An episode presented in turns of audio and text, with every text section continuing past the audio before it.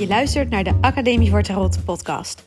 Mijn naam is Christa en ik deel heel graag al mijn tarot-ideeën, kennis, filosofische gedachten en creatieve tarot-inspiratie met jou, zodat ook jij het heft in eigen hand kunt nemen met de kaarten. Welkom, welkom. Leuk dat je weer luistert. Het is nog uh, volop winter, maar ik ben aan het kijken naar, tenminste nu ik dit opneem, want hij komt iets later uit. Dus misschien is het wel mooi weer als je dit luistert. Geen idee. Maar ik was foto's aan het terugkijken van de zomer.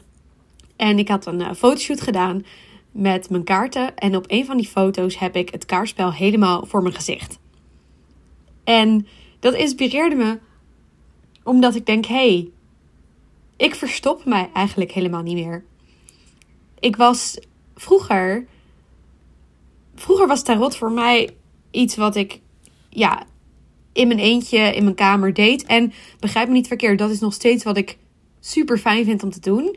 Tarot is voor mij echt ook een moment van in mezelf keren, tot rust komen met mezelf. Ehm, ik zou eigenlijk meer tijd weer moeten nemen om in mijn eentje met de kaarten, kaarsje aan, theetje erbij. Weet je dat?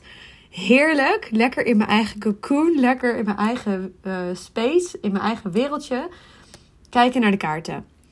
Uh, maar ik keek naar die foto waarop ik dus mezelf eigenlijk verstop achter de kaarten. En ik dacht, wauw, wat ben ik gegroeid in die zin dat ik niet meer me verstop als het gaat om uh, praten over de kaarten. En ik heb daar echt zo'n ontwikkeling in doorgemaakt. Ik, kijk, nu is het ook mijn werk, dus je zou kunnen zeggen, ja, uh, je moet wel of zo. Maar zelfs toen ik net begonnen was met de Academie voor Tarot, had ik nog best wel de neiging om ja, heel verlegen te zijn als mensen vroegen van wat voor werk doe je? Ik denk dat ik daar al eerder trouwens een podcast over heb opgenomen. Maar um, ja, nu toch weer even net vanuit een andere hoek benaderd. Dus wat ik vroeger heel erg deed was voor mezelf houden. Uh, dat die kaarten überhaupt in mijn leven waren. En ik vertelde er helemaal niet spontaan over aan mensen. Maar nu. Oké, ik moet even pauzeren, want er, uh, er huilt een kind. Zo, daar ben ik weer. Ik uh, kan dit er ook uitknippen natuurlijk, maar ik vind het eigenlijk wel gezellig. Um, ja, de kleine man zit nu uh, bij me op schoot, lekker om zich heen te kijken. Dus ik kan nog heel eventjes, denk ik wel, doorkletsen. Terwijl hij zich vermaakt met de omgeving. Um, ja, ik had het dus over je verstoppen. En ik deed dat dus best wel actief. Tot op zodanige ja, hoogte dat als ik bijvoorbeeld ehm, mensen had die bij mij in. Ik woonde in, uh, in de studentenkamer. En als ik dan vriendinnen over de vloer had, dan was het wel eens zo dat ik mijn tarotkaarten echt even opbergde. En dan was het niet zo dat ik echt ze helemaal ging verstoppen of zo. Maar wel dat als ik kaarten op een tafeltje open had liggen, omdat ik bijvoorbeeld bezig was geweest met een, een legging voor mezelf. Of omdat ik bepaalde kaarten um, aan het bestuderen was of zo. Dan had ik dus wel de neiging om dat even op te bergen. Even terug in de kast te leggen. Dus als een vriendin dan in de kast zou kijken en zou zeggen: hey, je hebt een pakje kaarten. Dan durfde ik er wel een soort van over te beginnen of zo. Maar ik wilde het niet zo open en bloot hebben liggen. Voor een deel is dat natuurlijk ook, weet je, het is ook gewoon privé. En er is best wel een verschil tussen iets privé houden en iets geheim houden. Dus het was ook gewoon een stukje van, nou, ik heb geen zin om te praten over wat deze specifieke kaarten voor mij betekenen. Dus ik leg het aan de kant. Maar het was ook echt wel voor een deel dat ik dacht, ja, misschien vindt iemand me gek of raar. Of uh, ja, wilde dan toch niet helemaal laten zien waar ik mee bezig was. Terwijl nu wil ik echt aan de hele wereld laten weten hoe tof het is om tarotkaarten te hebben en wat je er wel niet mee kan. En juist ook, denk ik, omdat ik toen nog heel erg bezig was met het uh, uitzoeken voor mezelf van waar geloof ik nou eigenlijk in? En ook echt wel die spirituele zoektocht ben aangegaan van... hey, is dit nou... Ja, heb ik contact met iets goddelijks of met iets buiten mezelf als ik kaarten leg?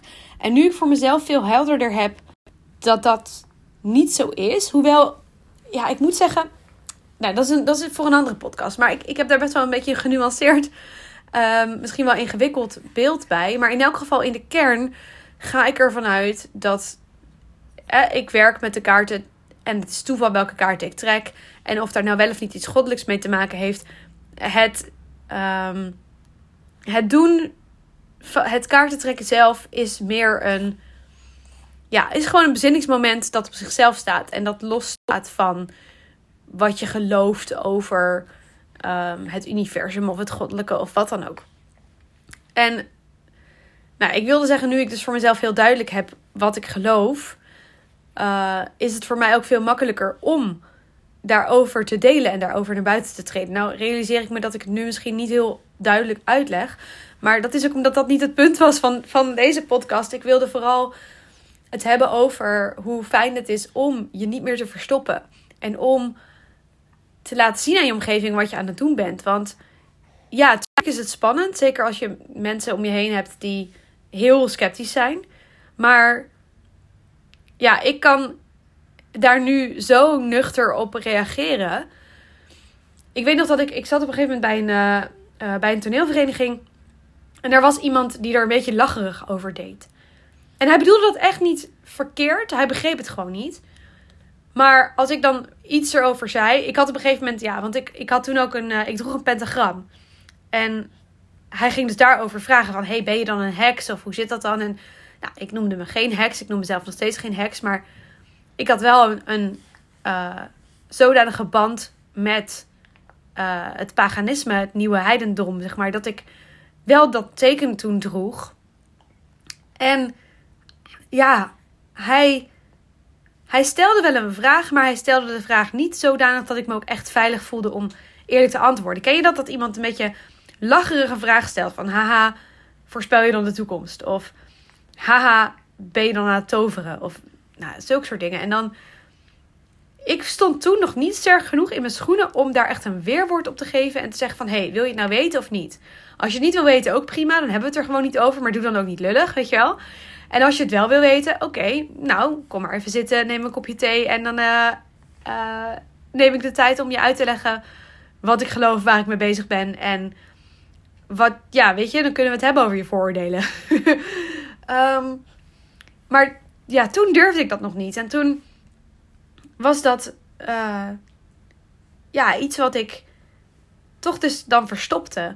Of als ik dan toch het lef had gehad om dan dus een pentakel om te dragen, een pentagram. Uh, en ik kreeg zo'n soort reactie. Nou, dan droeg ik hem een week lang niet meer, weet je wel. En dat is nu echt voorbij. Voor mij is nu echt. Het kan mij zoveel minder schelen ook. En als mensen niet geïnteresseerd zijn, ja, dan zijn ze toch niet geïnteresseerd. En als ze wel geïnteresseerd zijn, dan is zoiets dragen of die kaarten bij je hebben of zo. Is een prachtige opening voor hele mooie gesprekken. Dus ja, ik verstop me niet meer. En ik keek naar die foto waarop ik dus mijn gezicht verberg. En dat is niet.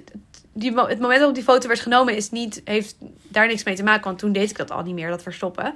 Maar het triggerde wel iets in mij van, van vroeger, van daarvoor, dat ik dat dus wel deed. Terwijl dat zo. Ja, zo niet nodig is. En ja, ik neem dit ook op om, om te delen, omdat ik hoop dat er mensen zijn die dit horen en die denken: ja, weet je, waarom heb ik hem eigenlijk in de la liggen? En waarom leg ik eigenlijk mijn kaarten weg als er mensen op visite komen? Of weet je wel. Um, en nogmaals, er is een verschil tussen privé en geheim houden. Hè? Als je gewoon privé aan het werk bent met kaarten, natuurlijk wil je ze dan even opbergen en wil je niet dat mensen bijvoorbeeld, ja, stel je bent aan het werk met de kaart de dood. En dat is een heel persoonlijk transformatieproces voor jou. En iemand die ziet dat liggen en die denkt, oeh, wat is dat? dat? En je krijgt een soort, ja, dat, is, dat hoeft niet. Weet je, je hoeft het niet op te zoeken. Maar je kunt wel die kaart even omdraaien, bovenop je stapeltje terugleggen. Maar wel het stapeltje kaarten laten liggen. En dat niet opbergen of zo, weet je. Dat is, ja, voor mij althans is dat echt iets waar ik nu heel trots op kan zijn. En ik hoop dat ik mensen kan inspireren om ook meer trots te zijn op je tarot hobby of je tarot. Ja, voor mij is het meer dan een hobby. Dat is misschien niet het goede woord, maar misschien voelt het voor jou wel als een hobby. Um, trots zijn op dat tarot een deel is van je leven. En dat je daar iets mee doet. Uh, en dat dus ook durven laten zien. En je hoeft het niet te delen of te laten zien. Maar als je daar gêne over voelt, dan is dat misschien iets waar je mee mag werken. Waar je iets mee mag doen. Goed, ik ga hem afronden. Dankjewel voor het luisteren weer. Als je wilt reageren, altijd welkom. Stuur me een mailtje of een berichtje via Instagram. Vind ik hartstikke leuk. En uh, heel graag tot morgen.